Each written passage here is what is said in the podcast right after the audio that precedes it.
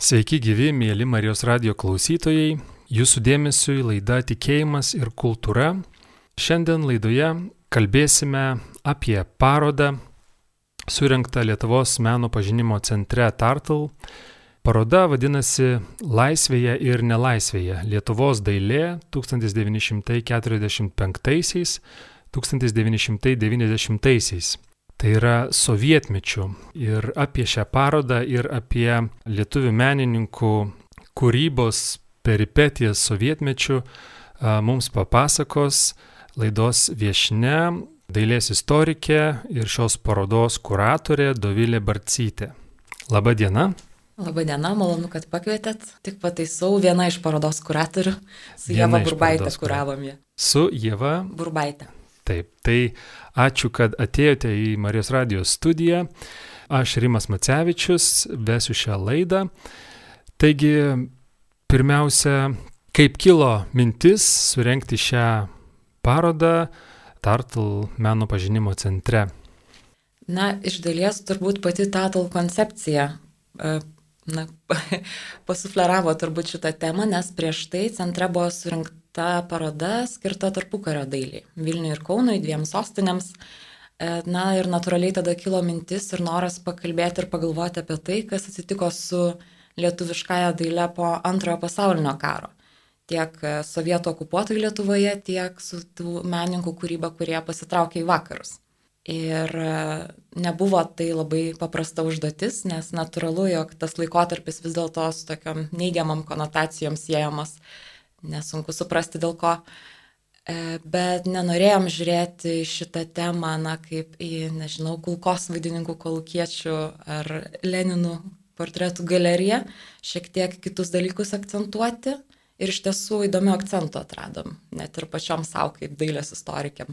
Bet e, vyraujanti dailė, ta oficialioji, kaip jūs sakot, buvo tų kulkos vaidininkų kolukiečių, Ar buvo sunku surasti, ar ta dailė, kurią jūs dabar eksponuojate, tos kūrinius, buvo daugiau tokia pogrindinė, ar, ar ne tai akcentas ir kitokie tie kūriniai? Mhm.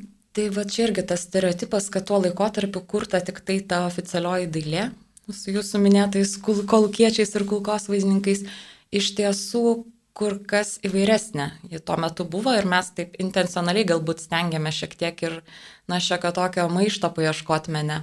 Ir tų sprendimų, kurie tikrai nebuvo patys pagrindiniai ar ne, ir tie darbai, kurie nebuvo rodomi tose oficialiuose parodose. Tai čia galima ieškoti ir vakarietiškų meno tendencijų, ir, ir temų, kurios buvo netoleruojamas sovietinio oficiozo, tai religinė dailė čia žinoma patenka į, į šitą sritį ir galima irgi įdomių niuansų atrasti. Netgi toje, kaip pasakyti, jau oficialiojo dailėje, ar ne, ta, kuri visiškai nekonfrontavo su režimu, galima irgi tokių uh, išvelgti niuansų, tai vienas iš paveikslų, tarkime, Vytauto Matskevičiaus nutapytas Rotušės aikštės peizažas. Na ir iš pirmo žvilgsnio viskas ten gerai, realistinė tokia dailė, urbanistinis miesto peizažas. E, bet kai žiūri į Rotušės aikštę, ten matosi Švento Kazimiero bažnyčia, kalba maždaug apie 70-osius metus. Tuo metu ten veikia ateizmo muziejus, Ir e, vėlgi toks simbolinis žingsnis, ar ne, iš, iš, iš sovietų valdžios pusės pirmąją jezuitų šventovę, pirmąją barokinę bažnyčią Vilniui paversti ateizmo muziejumi. Ir Vytautas Matskevičius, dailininkas, dar šiek tiek irgi patobulina situaciją, nutapydamas tą bažnyčią be kryžių.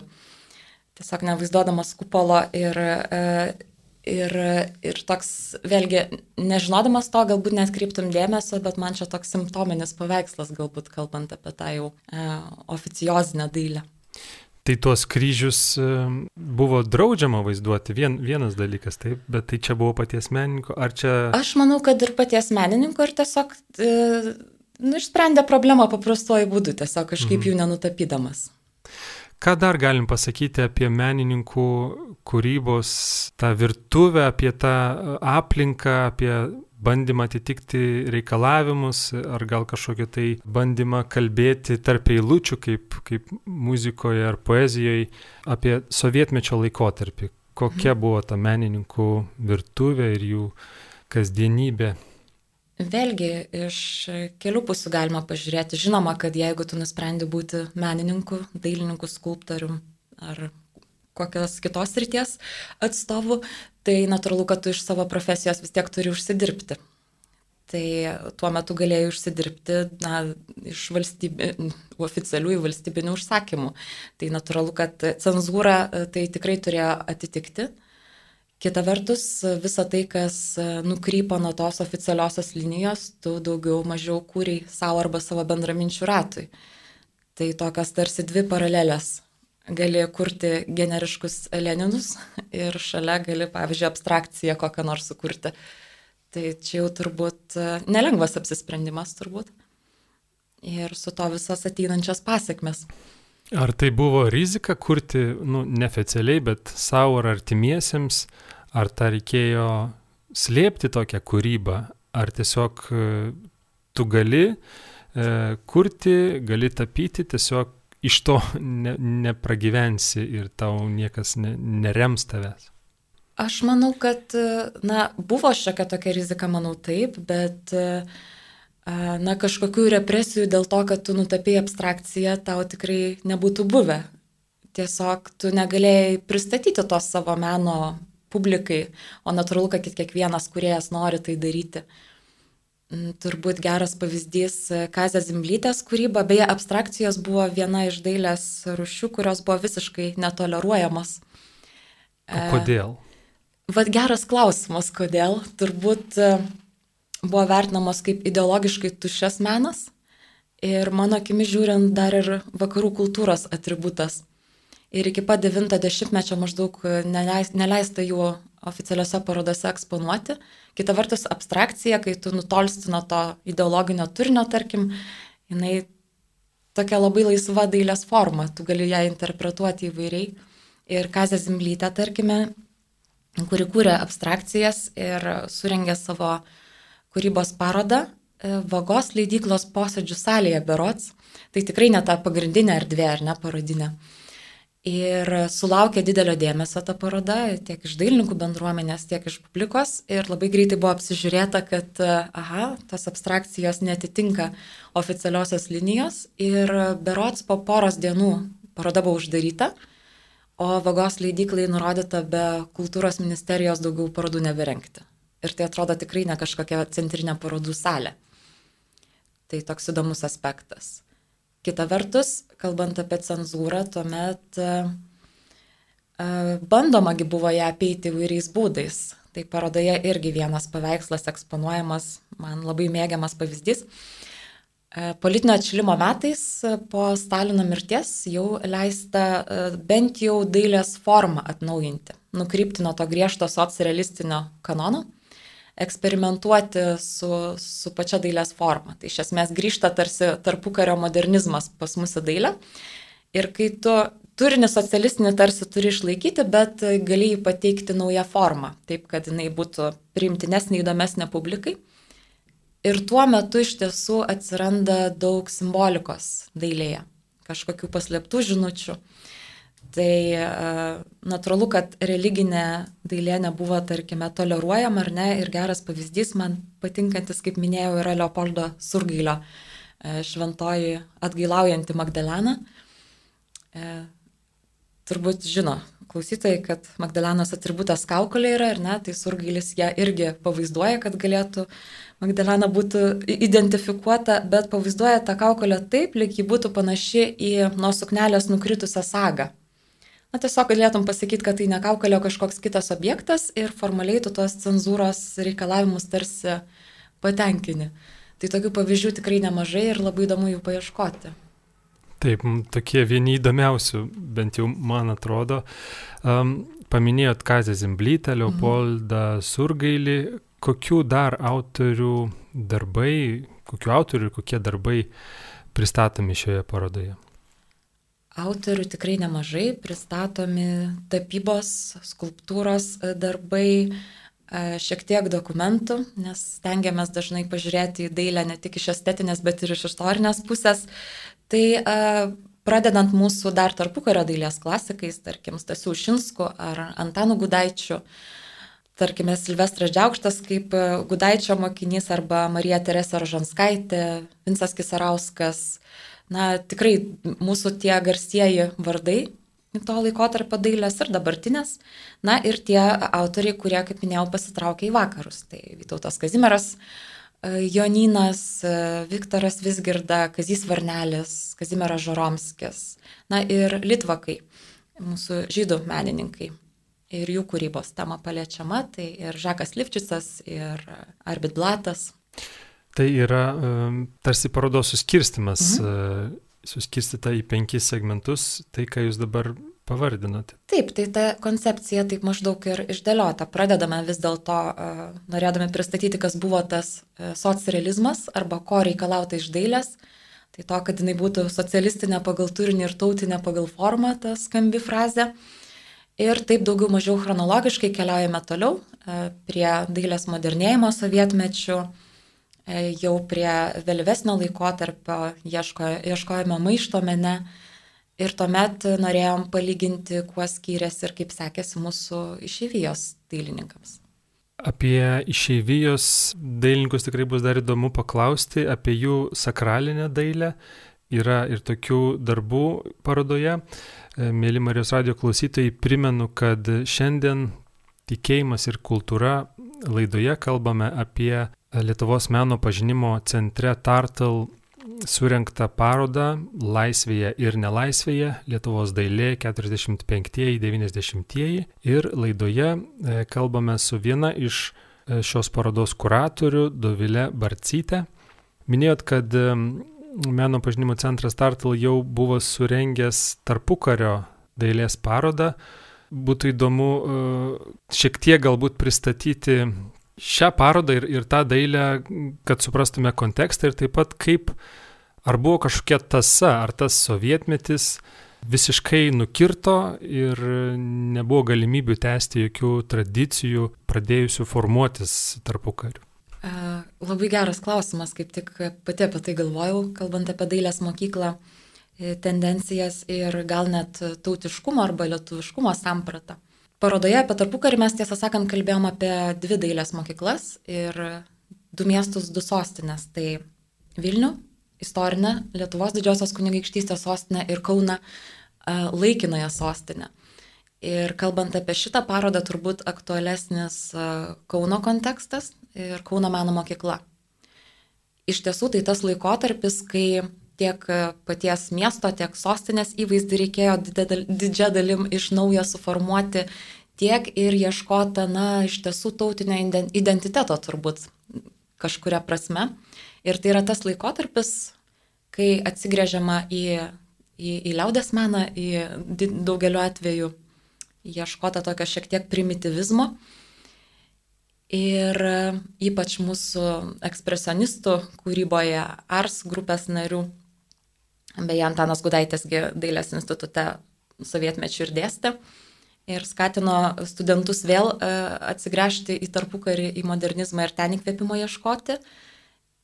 Ir toks įdomus motyvas, kad e, tas e, tautiškumo elementas labai svarbus tiek, tarkime, kokiuose liaudiškose ornamentuose, motyvuose, tiek ir mūsų, na nežinau kaip čia pavadinti, dievdirbių kūryboje turbūt, kalbu apie medinius šventuosius mūsų smūtkelius, kurių labai daug dailėje. E, ir tas, e, ta medinė skulptūra, kuriegi net profesionalių dailininkų kurta, jinai netgi turbūt didžia dalim buvo tapatinama su tiesiog su lietuviškumu, gal taip pasakysiu tiek iš estetinės pusės įtraukiant juos į dailės kūrinio kompoziciją, tiek ir tiesiog tapatinant tą skulptūrą ir kartu ir religinę jauseną su, su, su savo tapatybė. Tai šitas aspektas iš tiesų uh, keliauja ir į sovietmetį. Pavyzdžiui, tas pats Leopoldas Surgailis labai mėgo tapyti kokios, kokio nors švento Jurgio skulptūrėlės, juos sumodernindamas. O išeivijos dailėje irgi labai daug to motyvo. Kartu su lietuvaitėmis tautiniais rūbais e, greta kokie nors mediniai šventieji stovi ir pas mus parodoje tą galima pamatyti. Ir to tokio e, liaudiško meno interpretacijos labai daug ir e, na, tokios jau didesniuose projektuose sakralinio meno, kalbant apie išeiviją. Nuo vitražų iki skulptūros. Tai tikrai taip, tikrai e, tarpukario dailės mokyklos tasa. Ir Marceliaus Martinaičio čia man labai patiko mintis šitame kontekste, kalbėdamas apie sakralinį meną Amerikoje, jisai pastebėjo ir labai teisingai, kad iš tiesų stilistiškai labai panašios tos tie meno kūriniai ir konkrečiai apie Jėzaus atvaizdus kalbėjo. Nesvarbu, ar jisai Jonino sukurtas, ar kokio nors Kazio Varnelio, jisai stilistiškai yra labai panašus. E, tiek dėl stilistikos, kuria buvo plėtojama Kauno meno mokyklai, tiek dėl kažkokio turbūt tautinio skonio, kurį dažniausiai visos tautos ar bendruomenės turi. Tai Marceliaus Martinaičio mintis buvo, nepasakysiu tikslios citatos, bet kad kaip malonu ir kaip galima pasidžiaugti, kad Amerikoje tiek daug lietuviško Jėzaus. Ir labai taikliai pasakyta, nes e, paskui pastebėjau, kad tikrai labai e, tie, tie kūriniai panašus. Tai mes iš tiesų, kuo garsus, kalbant apie, apie vakarus ir tą sovietinį laikotarpį, na, konkrečiau, tarkime, apie Junktinės valstijas, tai būtent savo e, religinę dailę ir ne tik lietuvių bendruomenių bažnyčiose. Ir išeivijoje religinė sakralinė dailė turėjo galimybę tęsti savo tarpukario tradicijas. Ir šioje parodoje e, apie sovietmečio kūrinių, menininkų kūrinius yra tokių sakralinės dailės pavyzdžių, tai galbūt apie juos, kas jų autoriai, kas vaizduojama toje sakralinėje dailėje išeivijos. Tai turbūt galima ir reikėtų pradėti nuo Vytauto Kazimiero Jonino, Na, natūralu, kai dažniausiai iš karo pabėgėlių, dipukų stovyklų persikrausta dailininkai, tarkim, Junktinės valstijas, na, pirmiausia, turbūt ieškojo būdų įsitvirtinti su lietuvių bendruomenių pagalba. Ir dažniausiai vis dėlto tų bendruomenių veikla, na, didelė dalim vis dėlto buvo vykdoma siejant savo veiklą su bažnytinė parapija, na, natūralu. Ir dėl to tų e, bažnytinių užsakymų buvo gana daug. Ir dar kai atvyko tos jau mūsų tarpukario dailės žvaigždės, tai aišku, norėta ir jų indėlio. Ir žinoma, čia tas ir tevinės nostalgijos akcentas turbūt irgi buvo svarbus. Ir čia jau tada galima kalbėti apie tą lietuvišką identitetą, kokiu masteliu e, religingumas yra mūsų tapatybės dalis, manau, kad nemaža. Ir tas dailėje taip pat labai atsispindi. Tai tarkime, Vytautas Kazimieras Joninas, įvykdęs kelis pelningus pirmuosius užsakymus, netgi įsteigė bažnytinio meno studiją New York'e E, pabrėžiu, kad New York'e dėl to, kad vėlgi galima pagalvoti apie tai, jog apie konkurencingumą, tai meno srityje ta aplinka tikrai konkurencinga buvo šitame mieste, tai Joninas tokį drąsų žingsnį žengė ir turbūt gerus du dešimtmečius sėkmingai ta bažnytinio meno studija veikia. Daugiausia turbūt e, vis dėlto užsiimta vitražais, tai pas mus parodoje eksponuojamas toks dailininko virtuvės, galbūt atributas Jonino vitražų eskizai natūralu, kad negalėjome eksponuoti pačio, pačio vitražo. Ir e, iš tiesų daugiau ar mažiau didelė dalis lietuvių dailininkų vis dėlto pridėjo ranką prie sakralinio meno, e, persikraustė į Junktinės valstijas ir daugelis turėjo ir savo bažnytinio meno studijas. Ir Valeška, tarkim, kurio irgi tautiniais rūbais vilkinti lietuvaitė, jau mano minėtų medinių šventųjų apsupta, pavaizduota, netgi e, Kazys Varnelis, kuris labiau siejamas su tokiu, na, daugiau galbūt avangardiniu menu, su pop artu, jisai irgi turėjo savo bažnytinę, bažnytinę meno studiją ir ne vieną užsakymą yra atlikęs. Tai šita dalis, nesvarbu, e, ar tu buvai tokių konservatyvesnių pažiūrų menininkas, ar tokių laisvesnių pažiūrų, dažniausiai visi prie tos ryties kažkiek bent jau buvo prisilietę. Tai e, ką mes eksponuojame, tai mano minėtus e, vitražų eskizų projektus. Na, Vytauto Igno Madona kokią nors irgi eksponuojama, bet e, čia ir yra ta problema, kad tu neperkelsi to, tarkim, architektūros objekto sakralinio iš jungtinių valstybių ir neparodysi jo parodoje, tai turbūt daugiau tada per pasakojimą stengiamės tą akcentą pabrėžti. Minėjot, kad buvo bažnytinio meno studija New York'e įsteigta ir menininkai išvykę į vakarus kūrė ir, ir buvo daug to, kaip, kaip sakėt, lietuviško Jėzaus, tačiau jie kūrė vakaruose, tokiuose miestuose kaip New York'e ir ar veikia pasaulinės mados tradicijos e, lietuvių kūryba ir ar, ar tai atsispindi galbūt šios parodos eksponatuose ar, ar galbūt kituose kūriniuose, kurie neturėjo galimybės patekti į parodą. Tai žinoma, kad veikia ir parodoje tai irgi norėjome pabrėžti. Taip netgi į sales išskirstėm vieną vertus tą tokį stereotipinį žvilgsnį norėjom pateikti, su kuo dažniausiai asocijuojama yra išėvijos dailė. Tai natūralu, kad su lietuvių bendruomenėmis ir apie tai jau kalbėjau, ar ne, apie, apie sakralaus meno užsakymus.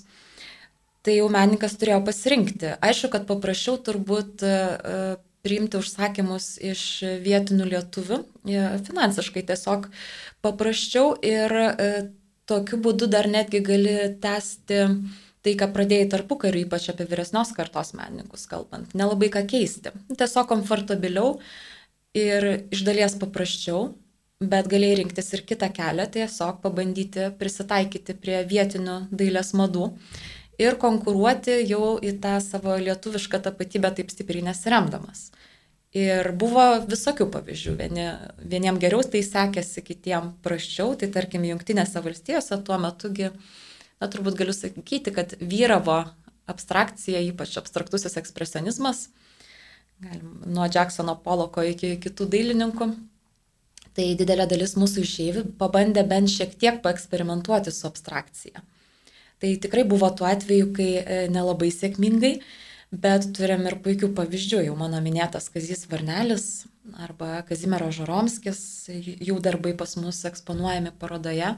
Tai visiškai tarsi iš pirmo žvilgsnio ten jau ir jokio lietuviškumo nesurasi ir visiškai kitur akcentai dėliojami, nors Kazis Varnelis šiaip mėgdavo pabrėžti, kad e, vis dėlto įkvėpia ir lietuviško šaknis jį savo menui.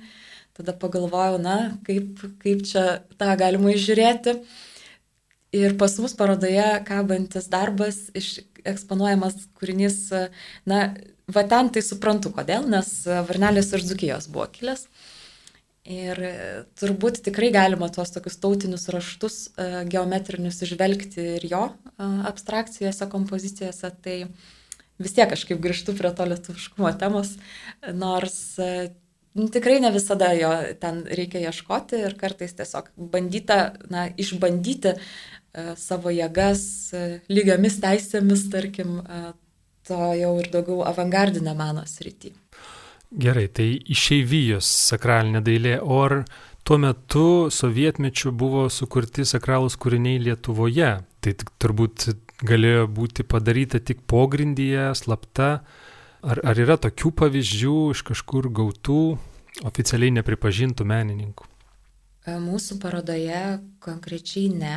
Ir tikrai geras klausimas. Na žinoma, kad nebuvo toleruojamos naujos iniciatyvos bet kokią formą turbūt. Ir galima tų pavyzdžių būtų paieškoti. Ir, ir iš tiesų apie sakralinę dailę sovietmečių turbūt net nu, sudėtinga kalbėti. Aišku, kad buvo ir privačių iniciatyvų ir turbūt tas daroma e, slapta, bet čia įdomi tema iš tos pusės, kad tiek ir dailėtaros, tarkime, požiūriu, sovietmečių bažnyčia turbūt buvo bandoma paversti tik tai, na, statiniu ar kokiu architektūros paminklu. Ir tarsi tas e, sakralinis menas nuo to objekto šiek tiek atskiriamas lyg tą savo religinį turinį šiek tiek praranda ir interpretuojamas tik tai kaip na, istorinis palikimas, paveldas. Tai šitas požiūris turbūt gajus buvo gal net ir nepriklausomybės pačioj pradžioj, tiesiog reikėjo šiek tiek mąstymą pakeisti iš pačios dailėtyros pusės. Ir e, naujų iniciatyvų aš dabar net, net, net nežinau, net negalėčiau įvardinti kažko žinomesnio, kuris buvo, na, sakralinio meno kūrinio, kuris buvo sukurtas e, sovietiniu laikotarpiu. Buvo jų, tarkim, pačioje pradžioje, kol dar turbūt nebuvo apsižiūrėta. Ir buvo svarbesnių problemų sovietų valdžiai, kaip čia šitą situaciją suvaldyti, tai galima kalbėti apie Stasio Ušinsko vitražus. E, bet vėliau, kai jau atsirado turbūt daugiau laiko ir tom kitom sritim, e, tarp jų ir menui, ir sakraliniam menui, tai visos tos iniciatyvos buvo užgneuštos. Ar buvo grėsmė jau, jau sukurtiems e, meno kūriniams sakralinės dailės, ar buvo kažkaip jie naikinami, kažkaip negerbiami ir, ir, ir sunyko, išnyko sovietmečių turiuomenį? Tai be abejo, jau kalbėjome ar ne apie Kazimiero bažnyčią, jau netgi atsiejus e, nuo, tarkime, nu, šiek tiek nukrypstant nuo architektūros, nuo bažnyčios kaip pastato, tai galimagi kalbėti ir apie tą mano jau minėtą liaudės meną, ar ne? E, koplytstulpius, smūtikelius, medinius šventuosius. Tai visas šitas paveldas buvo sistemiškai naikinamas ir e, vertinama kaip na, ideologiškai neteisinga medžiaga turbūt sovietų visuomeniai. Kenksminga. Kenksminga, taip, turbūt taip. Ir iš tiesų, kai pagalvoji, taigi tame pačiame ateizmo muziejuje, man atrodo, buvo eksponatai pateikiami kaip, tarkim, kokio nors šventojo skulptūra, kaip kažkoks tai neigiamas objektas, tokią konotaciją turintis. Tai iš šių dienų perspektyvos žiūrint, tai atrodo absurdiška. Bet nežinau, vad negyvenau tuo metu, kokiais 70-aisiais, nežinau, kaip man būtų sekėsi prisitaikyti prie tokio požiūrio, bet matyt ir nesužinosiu. Tai kartais įdomu pažiūrėti į tuos klausimus, kai tu su ta sistema nelabai buvai taip glaudžiai susijęs, ta prasme, kad tu jos nepatyrai. Tai čia dar vienas aspektas apie tą laikotarpį galvojant iš įvairių perspektyvų. Teko lankytis parodoj irgi apie sovietmetį, apie homo sovietikų žmogaus projektą tokį ir ten buvo keliais lygmenimis pateikta tai, kas buvo oficialiai sovietų valdžios propaguojama, pateikiama, tada kitas ligmuo, kaip tai atitiko kūryboje, bet taip pat ir tas kažkoks pogrindis arba kaip žmonės priešinosi. Vis tik ar tos represijos ir, ir tie suvaržymai, cenzūra buvo visiškai akivaizdi ir tiesmuka, ar buvo bandyta kažkaip tai įtikti liaudžiai, tautai ir ne vien tiesmukus ideologinius e, siužetus perteikti, bet kažką duoti ir, e, žodžiu, kad tauta būtų patenkinta ir pernelyg nesipiktintų. Tai iš šitos pusės turbūt geriausias pavyzdys ir yra paliktas tas akcentas, tarkime, kad e, jau mano minėtas socialistinis turinys turi būti, bet tautinė forma taip pat. Tai iš pirmo žvilgsnio tarsi toks kaip ir teigiamas aspektas, ar ne? Paliekama tau autonomija, tavo tarsi tapatybė tautinė. Ir, ir buvo skatinama tai ir iš oficiozo pusės, dėl to turėjome daug dainų ir šokio ansamblių ir daug e, liaudiškų tautinių motyvų tiek literatūroje, tiek dailėje, daug eglių žalčių karalienių ir panašiai. Bet kai pradedi pagalvoti giliau, tai tada vėlgi gerai apgalvotas turbūt sovietų valdžios žingsnis, jau čia aišku iniciatyvos iš Maskvos tu leidi vizualiai ir šiek tiek na, jausmiškai malonę tą dailę padaryti, kalbant apie tą tautinį elementą, bet iš kitos pusės tokia šiek tiek žinutė tai paslėpi, kad tu esi tauta, bet ne valstybė. Ir tu dėgi tą mąstymą. Ir kita vertus, labai tada stengiasi nesukurti to tokio aršaus pasipriešinimo. Tarsi čia viskas nėra taip blogai. O beje, dabar pagalvoju apie Eglę Žalčių karalienę. Vienas turbūt iš e, populiariausių motyvų, daug tos temos. Ir, e, na, viena vertus dėl to, kad tai turbūt gana artima, nežinau, galima pavadinti savotiškų tautinių epų mūsų, ką artimiausio turim. E, žinoma, prisidėjo prie, prie populiarumo ir tai, kad vienas, viena populiariausių tos istorijos kūrinio versijų buvo sukurtas Salomėjos Neries. Tai aišku, dar iš tos propagandinės pusės buvo svarbu, bet ta pati Eglė Žalčių karalienė populiarus motyvas ir išėjvijos kūryboje. Tai parodoje eksponuojame kaip tik Augiaus Augustinavičiaus iliustruotą uh, E, iliustruotą leidinį, būtent šitos istorijos tik vadinasi jinai Žalčio pasaka ir autoriumi nurodoma ne Salomėja Neris, bet Salomėja Bačinskaitė su mergautinė pavardė, tai tarsi taip nukomunistinama, bet istorijos tai atsikartoja, tik tai vėlgi tie, tie lietuviški, tarkim, motyvai, tas mūsų tautinis paveldas, jisai interpretuojamas šiek tiek iš kitokių, na nežinau, kitoje situacijoje, bet jisai e, tiek e, išeivijos dailėje, tiek sovietmečių kūrusių menininkų kūryboje tikrai yra.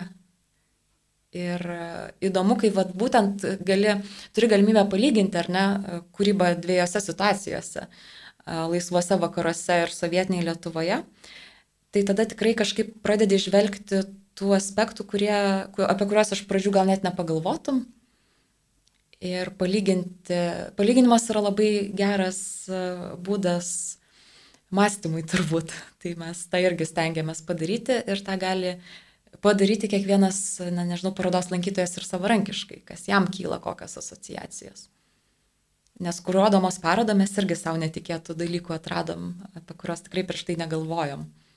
Bet įdomu būtų, jums kas buvo netikėta, Ir skaičiau viename straipsnėje minimos mikroistorijos, gal kokią vieną galėtumėt pateikti. Tai jau kalbėjau, tarkim, apie kokią nors Kazę Zimblytę. Dar gera mikroistorija turbūt yra Vladislavas, Vladislavas Žilius ir jo e, gyvenimo istorija. Tai Važilius spėjo kurti ir sovietų Lietuvoje, ir, ir vėliau išeivijoje. Ir kuo įdomi jo istorija, tai tai, kad turbūt va čia buvo tas toksai labai tiesioginis maištas ir protestas išreikštas e, ne per kažkokią kūrybos simboliką, bet tiesiogiai. Tai papasakosiu, apie ką kalbu. E, bet Vladislavas Žilius, jisai e, rinkosi kurti abstrakciją, opartinės kompozicijas, tarkim, dažnai.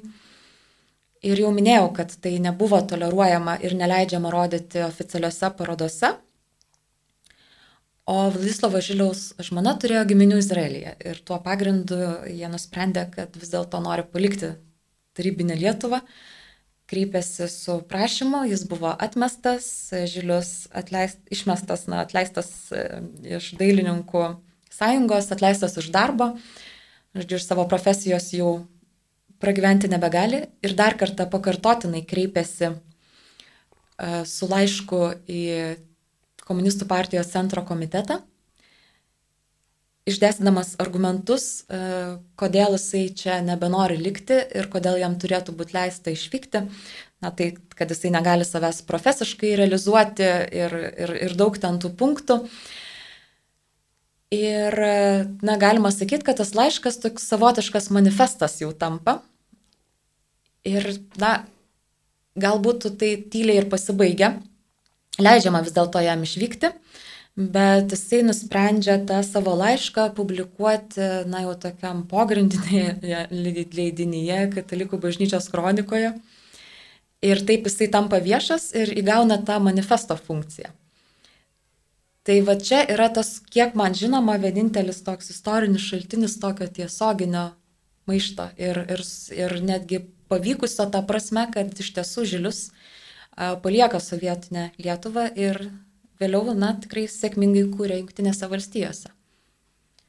Tai, tai yra tas žmogus, kuris palėtė ir tą laisvę, ir nelaisvę. E, tai va dabar šitą istoriją atėjo man į, į, į galvą. Kažką turbūt kito galima irgi prisiminti. A, e, tarkim, irgi kalbant apie tą lietuviškumą ir mikroistorijas, tai šiek tiek tokius netipinius atvejus irgi e, eksponuojam parodoje. E, tai vienas iš jų yra Prano Domšaičio vienas iš darbų. Tai Domšaitisgi tas dailininkas, kuris na, Lietuvoje net negyvenęs. Turėjo tarpu karių Lietuvos pilietybę, bet buvo rytprusų lietuvis, e, karaliaučiaus e, apylinkėse gimęs ir tikrai geras, stiprus vokiečių ekspresionistas. Ir Berlyne sėkmingai tęsė savo karjerą vėliau ir bendravęs su, su, su to meto menininkais glaudžiai ir vertinama jo kūryba buvo taip vertinama, kad e, čia aš aišku ironizuoju dabar, bet jam pasakė komplimentą ir Adolfas Hitleris. Tikrai ironizuoju, sakydama tai, nes įtraukė jį į taip vadinamą išsigimusio meno sąrašą. Tai yra to meno, kuris buvo netinkamas rodyti vokiečių tautai. Ir komplimentą sakau dėl to, jog e, patenka Damšaitis į tokią kompaniją kaip kartu su Pablo Picasso, Otto Dixu ir kitais, na, to meto Europos pasaulio žvaigždėmis, nebuvo ten toks ilgas tas sąrašas, ne šimtai atvejų. Tai savotiškas toks turbūt e, kūrybos irgi įvertinamas ir pripažinimas, bet pasiekmes to buvo gana liūdnos, nes tada tavo kūryba pašalinama iš muziejų. Žinoma, kad valstybinių užsakymų tu negausi, na, su privačiais turbūt irgi jau darosi sudėtinga ir tau dar neleidžiama dirbti pedagoginio darbo susijusio su, su daile. Tai iš esmės tu iš savo profesijos E, negali išgyventi. Ir tai buvo tas laikotarpis, kai Franz Wilhelm Domšait pradeda daugiau pasirašinėti savo lietuvišką pavardę Pranas Domšaitis. Tai toks atvirkštinis tarsi procesas ir savotiškas maištas turbūt irgi prieš, prieš sistemą, tik tai kitą, nesovietinę. Ir tada Domšaitis išvyksta į, į Vieną, o po karo emigruoja į Pietų Afriką ir iš ten jau kūrė, ir iš ten atkeliavo jo kūryba pas mus, tai vėlgi paieškojom tų istorijų, kurios šiek tiek gal nuo to na, pagrindinio bendro naratyvo, kai galvoju apie sovietmetį, nukrypsta į šoną kažkur. Tai. Ir daugiau tų mikroistorijų, gal ir makroistorijų žmonės galės sužinoti atėję į parodą.